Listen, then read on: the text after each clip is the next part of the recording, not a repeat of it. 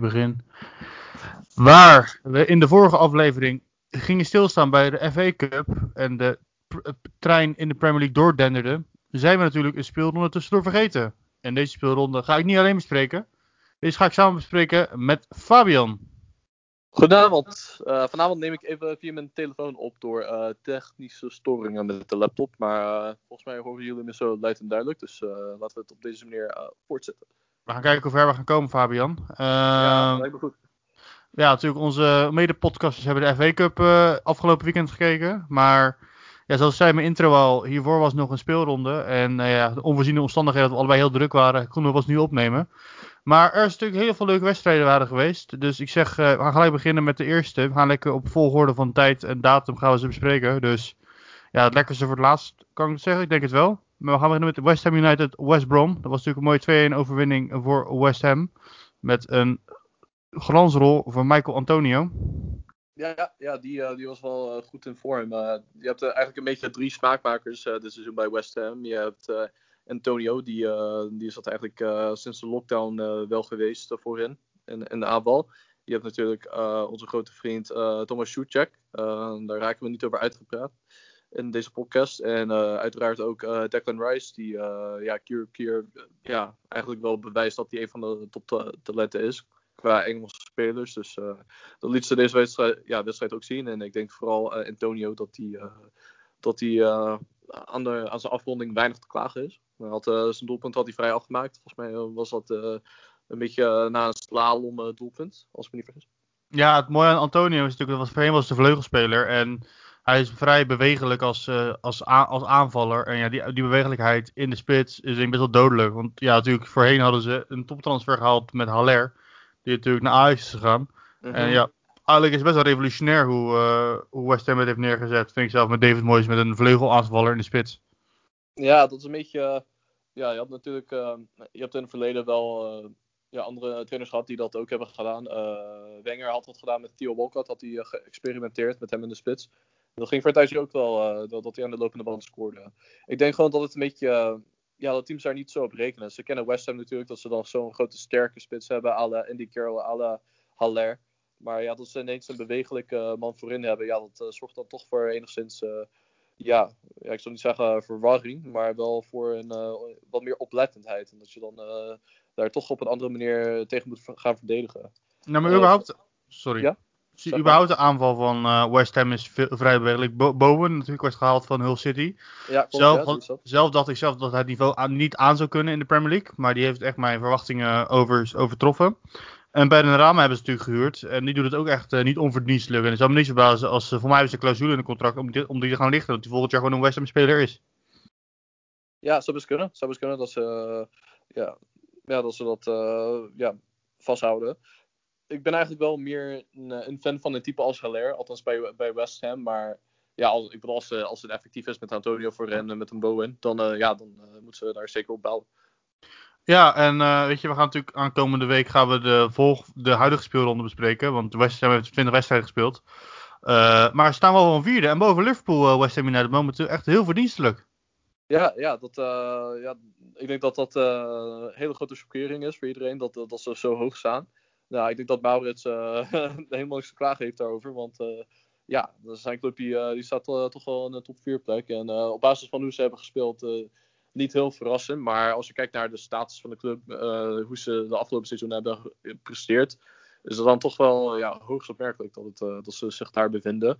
En ik vond het natuurlijk ook wel een mooi moment dat uh, Sam Allardyce, die was natuurlijk heel lang trainer van West Ham, dat hij dan nu eindelijk weer tegen West Ham moest, vechten, moest spelen met maar, West Brom. Maar ik vond ook West Ham op alle fronten een stuk beter dan West Brom. Zeg maar West Brom andere wedstrijden best wel stand hield. Vond ik ze mhm. hier wel echt wel weggespeeld worden. Ja, nou West Brom heeft, uh, ze zijn heel erg uh, op en neer, vind ik eigenlijk. Dat ze tegen sommige tegenstanders, dan is hun spelstijl een beetje wijd spelen en dan, uh, ja, en dan meer op de counter onder Allardyce, vergeleken met hoe het, hoe het ging onder Slavan Bilic. Dat ze toch meer terughoudend zijn. Ja, daardoor merkte dat het dan de ene keer tegen de ene tegenstander lukte wel, maar tegen de ander niet. Als de tegenstander dan ook zelf weinig ruimte weggeeft, ja, dan, dan heb je dat... en dan kun je er niet zo makkelijk van profiteren. Ehm, als je op West Brom bent. En ja, West Ham die houden de achterin best wel goed dicht, vind ik. En ook vooral die, die backs die zijn best wel, best wel goed. Cresswell en uh, Dus uh, ja, de, dus op basis daarvan uh, zie je ook dat uh, ja, sterke punten van West Brom, dat die, die worden ontnomen. Dat die backs ja, op die manier staan ingesteld en de verdediging solide is. Eens, eens. Oké, okay, dan gaan we denk ik naar de volgende wedstrijd. Leicester City-Chelsea. Het doodvonnis van Lampert kunnen we wel stellen, denk ik. Want we hebben natuurlijk een 2-0 overwinning van Leicester.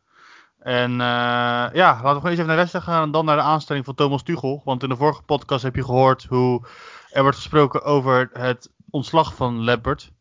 Dan gaan wij het hebben over ja, Thomas Tuchel die is aangesteld. Maar Leicester City 2-0 gewonnen.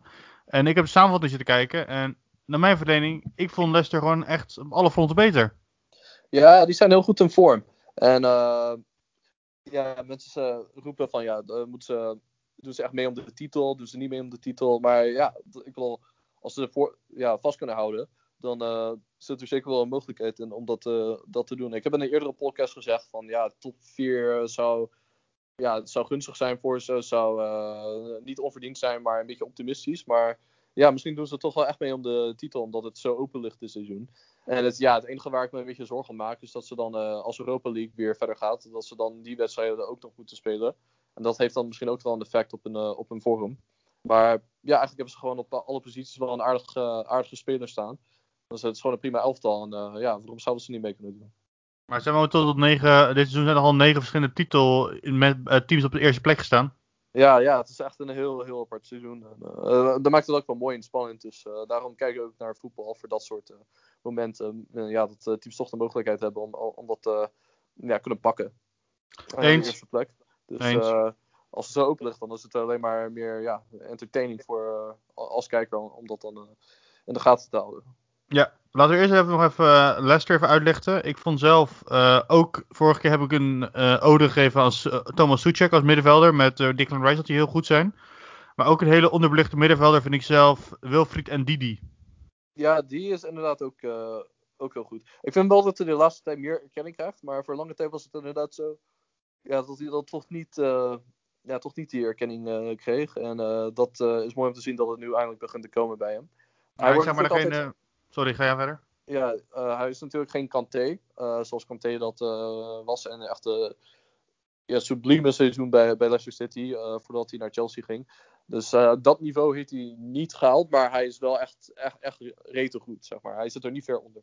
Ik vind zeg maar dat uh, en die net zoals Kanté echt ideaal is om die vuile meters op te lopen. Ja, natuurlijk, hij is perfect daarvoor geschikt. Tielemans en Madison worden natuurlijk echt geroemd puur om hun, uh, ja, hun, hun, hun, mooie voetbal en wat voor, wat, wat voor pasen zij geven. Ja, inderdaad. Maar ik denk dat vanmorgen zeker waar. En ik ben van mening dat Ndidi ervoor zorgt dat, dat zij die mogelijkheid hebben. Want Ndidi zeg maar, ja, fungeert als die verbindende rol tussen de verdediging en het middenveld. Klopt, klopt inderdaad. Nou, dan hebben we denk ik even Leicester besproken. En dan gaan we denk ik even naar ja, het, uh, het Chelsea, wat natuurlijk in crisis is. Natuurlijk in de FA Cup, Timo Werner wist weer niet te scoren. En, uh, ja, het heeft, ja, je hebt, je hebt nu een uh, Twitter-account en die houdt bij hoeveel dagen hij niet gescoord heeft. Ik geloof dat de teller nu op 77 of 78 staat. Dus zet hem even niet mee, Timo Werner. Maar ik heb ook een discussie over gehad met, met meerdere vrienden van mij. En hun zeiden ook van, Kai Havertz ook gewoon niet het niveau wat, wat die was bij in Duitsland.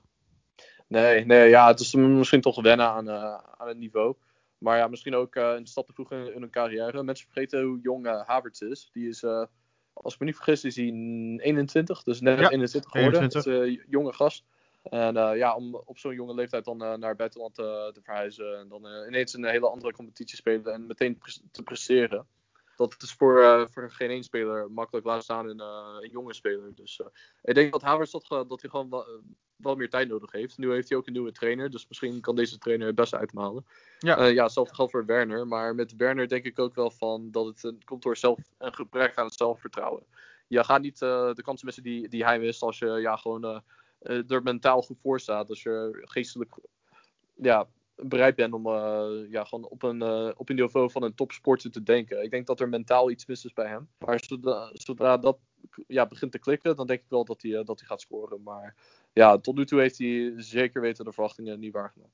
Ik denk dat bij Werner zelf een vertrouwenskwestie is. Aangezien je natuurlijk bij. hoe heet je ook bij Leipzig was uit op de, de gedoodverfde nummer 1. En zeg maar, de concurrentie was echt een stuk zwakker. En die heeft hij natuurlijk. Giroud, En uh, heeft hij natuurlijk Tammy, Abraham, die allebei allemaal, allemaal op dezelfde hoogte in de pickorde staan ongeveer. Dus ik denk dat het voor Werner juist die druk voor hem, hij die druk niet aan kan. Nog. Nee, nee, nee, ja, dat, uh, daar komt het ook door. Ik denk ook uh, dat het niet helpt dat hij dan uh, ja, de ene wedstrijd op links staat, links buiten, en dan de andere wedstrijd in de spits. Want dat hij soms midden in de wedstrijd dan steeds schuift. Je moet hem ook, als je hem wil laten groeien in een rol, je moet hem daar ook gewoon voor langere, ja, langere periode laten spelen. En in dit geval, ja, is die goede keuze nog niet gemaakt. Om hem dan vast op links te zetten of vast in de spits. heeft misschien ook met ja, formatie te maken. Misschien is een 4-4-2 zal ervoor zorgen dat je zijn kwaliteiten beter benut als een van de T-spitsen. Maar en niet als een geïsoleerde ja, spits, targetman zoals ze dat noemen in Engeland. Dus uh, ja, het is aan de trainer om dat, uh, de nieuwe trainer om dat uh, goed te kunnen inzien. Waar hij dan het beste tot zijn recht komt. Ja, zoals je al hebt. De nieuwe trainer, Thomas Tuchel, is aangesteld om het, om het de Stanford Bridge te doen. De man die heel vaak van de Burning Bridges is. Want ja, waar ja, hij weggaat. Dat kan je wel zeggen waar hij weggaat, is natuurlijk altijd dat hij met, uh, met ruzie weggaat. En ja, de Chelsea heeft laatst heel veel, is ook wel een trainerskerkhof geworden de laatste tijd. Dus uh, ik ben benieuwd. Uh, wat, wat, kunnen we verwachten van Thomas Tuchel in Londen? Nou, het begint al een beetje vreemd met het feit dat hij een contract heeft gekregen voor anderhalf jaar. Meestal tekent een trainer een contract voor ja, drie jaar, vier jaar. Volgens mij was het in het geval van Guardiola vier, vijf jaar zelfs die hij had getekend. Dus uh, dat geeft maar aan van ja, wat de verwachtingen een beetje zijn. Uh, als je dan zo iemand met zo'n status uh, aanneemt of aanstelt. En in het geval van Tuchel hebben ze maar een anderhalf jaar contract gegeven. Dus misschien dacht Abramovic van ik ben er beu om mensen te ontslaan als Tuchel na zijn eerste volledige seizoen ja, niet presteert. Dan laat ik hem gewoon gaan zonder hem te hoeven ontslaan. Dus ja, misschien zit dat ergens aan zijn achterhoofd. Maar dan begint het meteen met een valse noot. Uh, denk ik. Maar ja, zelf over Tuchel, hoe ik hem zie als trainer. Ik denk zeker dat hij de uh, ja, geschikte kandidaat is voor, uh, voor Chelsea. Hij heeft uh, super veel ervaring met, ja, met speelstijl ja, implementeren met spelers die de kwaliteiten hebben. Als de spelers die de kwaliteit hebben in de selectie van Chelsea. Ik denk zeker dat ze elkaar ook wel goed aanvullen, verschillende types. Dus ik denk dat hij daar zeker wel het beste uit kan halen.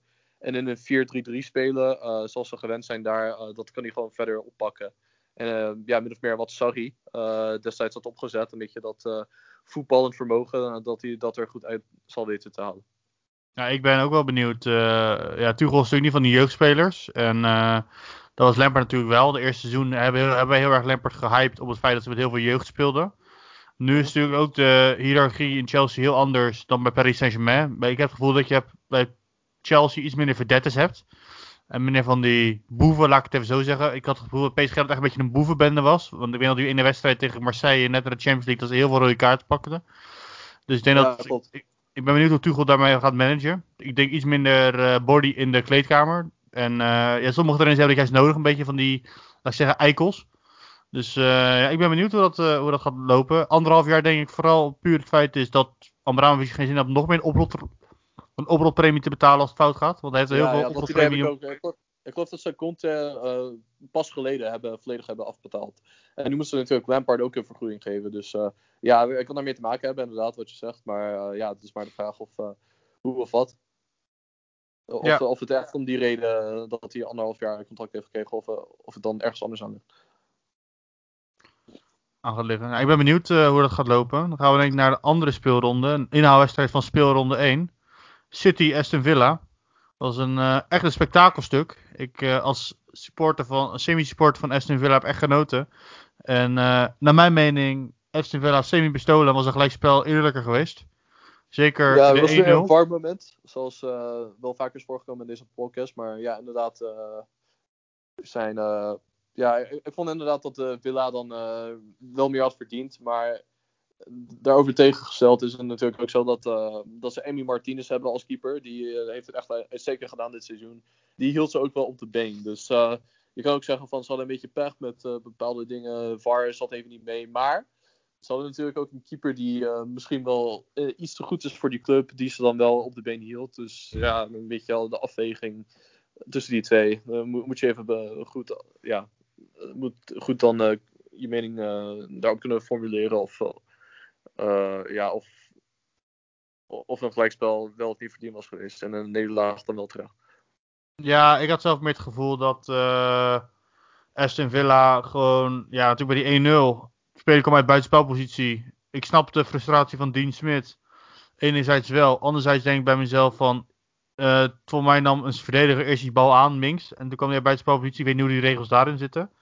Uh, maar zoals jij, het was natuurlijk wel semi-eenrichtingsverkeer van, uh, van Aston van City.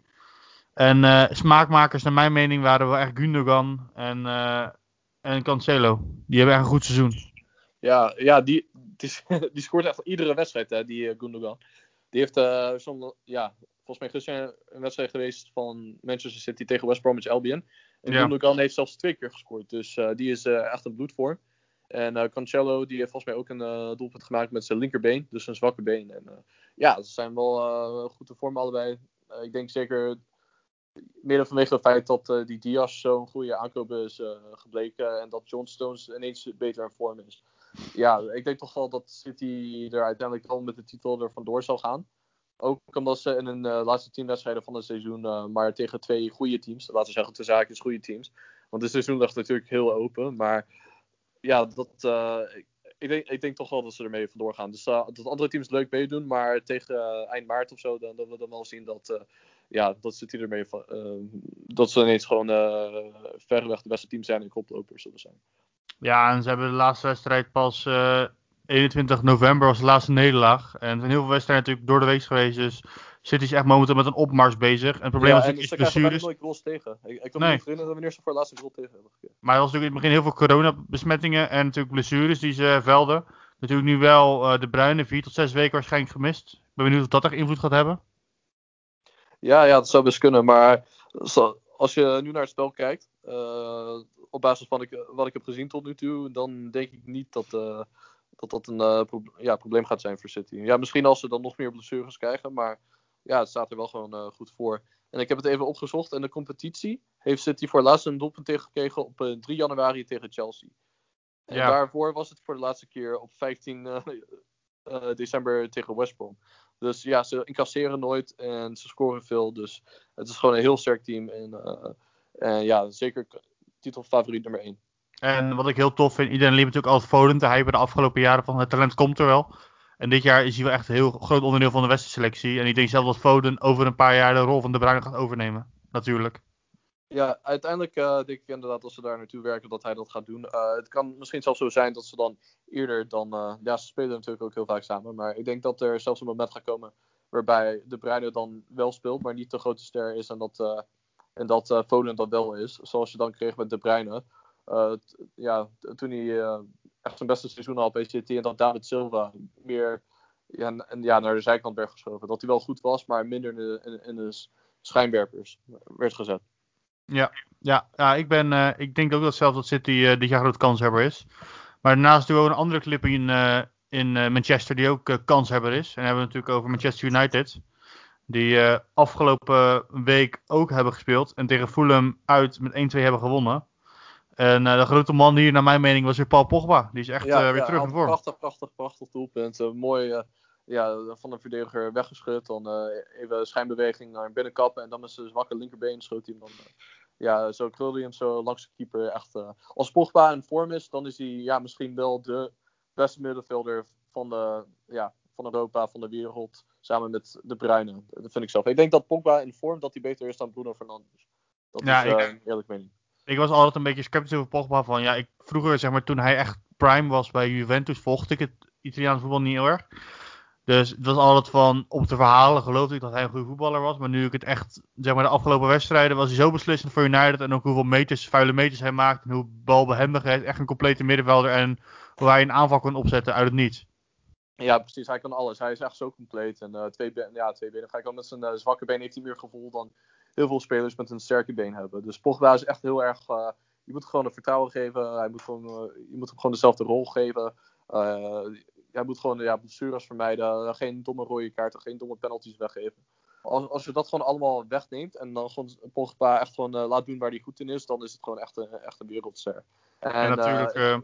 en natuurlijk ook in de FA Cup was hij natuurlijk ook heel cruciaal tegen Liverpool Mhm. Ehm, want ik heb het gevoel dat Pogba, zeg maar, die renderende rol die hij nu heeft, in een counterploeg heeft als United nu speelt.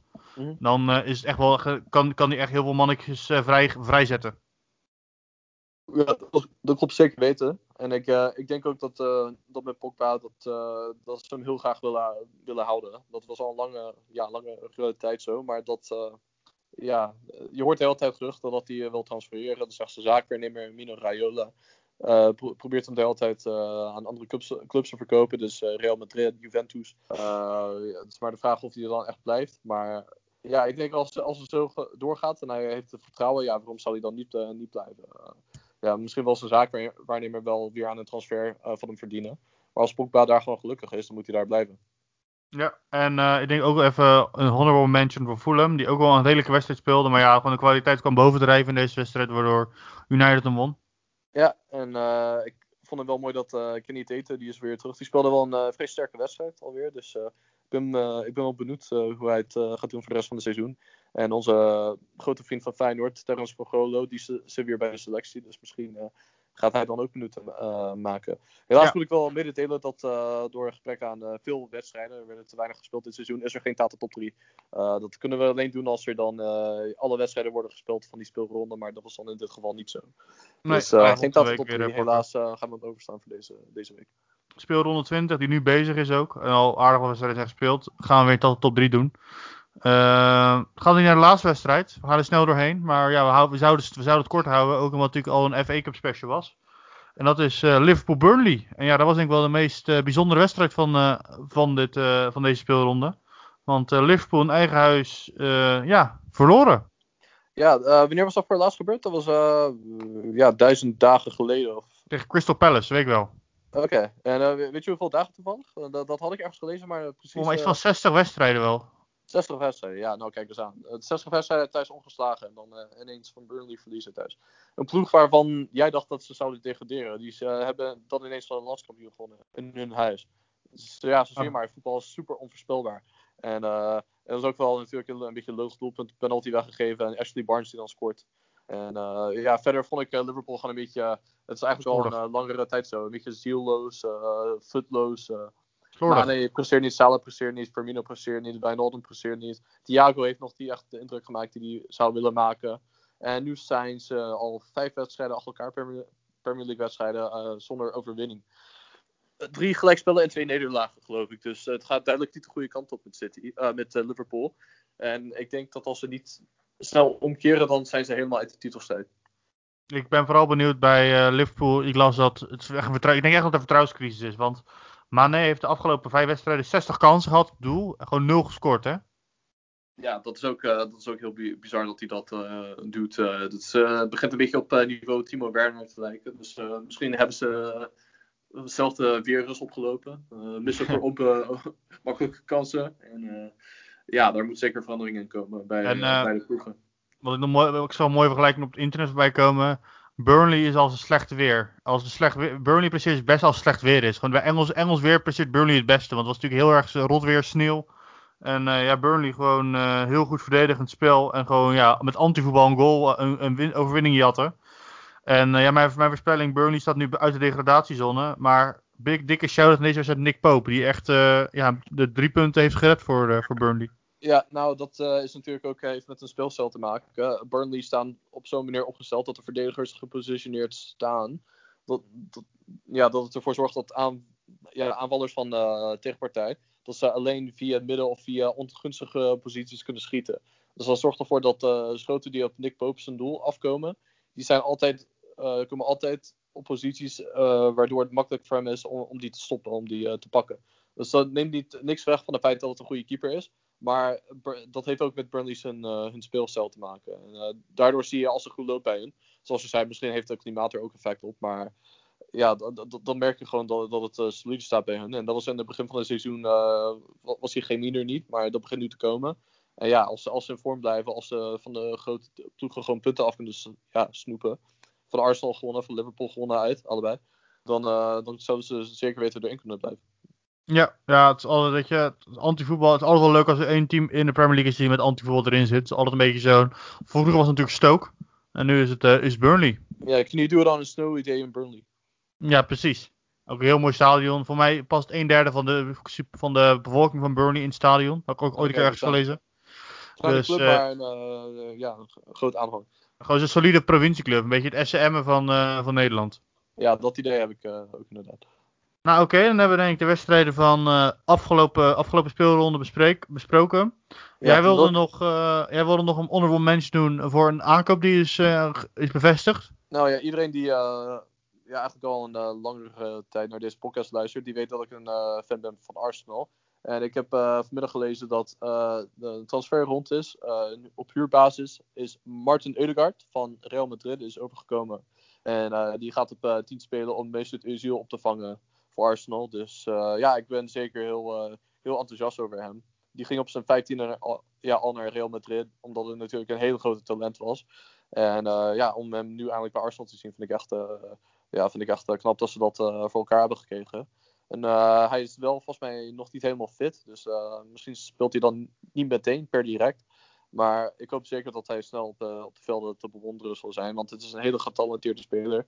En zeker meerwaarde voor het elftal. Nou, voor mij bij Real Madrid had hij al aardig wat speelminuten, maar nog niet heel erg. Maar ja, ik heb, we hebben natuurlijk in de Eredivisie kunnen aanschouwen bij Vitesse en bij Heerenveen. En eh, het talent druipt er vanaf. En ik denk dat voor Arsenal ook wel een eh, speler die extra creativiteit kan brengen. Natuurlijk Arsenal ook weer een, een opwaartse mars. Heb je er nog wel iets over kwijt? Ja, verder. Misschien bewaar ik dat wel voor de volgende speelronde. want ik heb wel vertrouwen dat, dat het goed komt. Verder moet ik ook zeggen dat eh Aubameyang, die is, zat de laatste tijd niet bij, omdat zijn moeder ernstig ziek is. Dus eh, bij hem, eh, naar hem zou ik eh, heel veel sterkte toe willen wensen. En hopelijk eh, hij snel terug en is mo- moeder gezond en wel. Maar dat eh, is maar iets dat wij dan moeten gaan afwachten. Oké, nou, eh, dat was een mooi einde. Ehm, ik denk dat het even leuk was om even deze korte podcast eh, te doen, eh, Fabian. Ik wil je bedanken voor je tijd. Ik, Ja, jou wil eh, bedanken voor het eh, de tijd nemen om dit op te nemen en te editen en wat dan ook. Ja, geen probleem. En eh, ik hoop eh, dat jullie luisteraars ervan hebben genoten. Twee podcasts deze week. Natuurlijk eh, moeten we ook nog benoemen dat wij een sponsor hebben. En eh, dat is Manscaped. En eh, ja, Manscaped dat is een, eh, is een bedrijf uit Amerika dat hele mooie scheerapparaten maakt voor onder de belt. Om het even netjes te zeggen. En eh, ja, heb jij daar ook wat heel, heel behaard en wil je daar iets aan doen? Gebruik de code PodcastRoad op de website van Manscaped en krijg 20% korting en gratis verzending op je eerste aankoop. Daarnaast kan ze ook volgen op de socials. En eh, waar kan dat, Fabian? Dat kan op Instagram heten wij Podcast Road aan elkaar. Eh, op Twitter heten wij podcast road. En op eh, Gmail heten wij podcast apenstaartje. Nee, podcast road apenstaartje gmail.com. En kijk alsjeblieft ook op onze website. Volgens mij heeft Laurens eh, onlangs een blog daarop gepost. Of dat zou je doen, of hebben we dat al gedaan? Ja, daar ben ik mee bezig. Ik, ben, ik, was Ben je mee bezig, ik ben bezig met over dat Liverpool het verliezen. eh, en over waarom het slecht gaat met Liverpool. Eh, hopen dat ze dit weekend ook verliezen. Voor mijn blog, dan laat ik het zo zeggen. Want ik heb het eh, vrij druk. Maar eh, ik ga kijk- kijken of die online komt. En eh, ja, altijd al, wat leuke updates op onze socials. Over transfers. Over grappige humor, Engels voetbalhumor, banter. En ja, bedankt voor het luisteren en tot volgende week. Joep.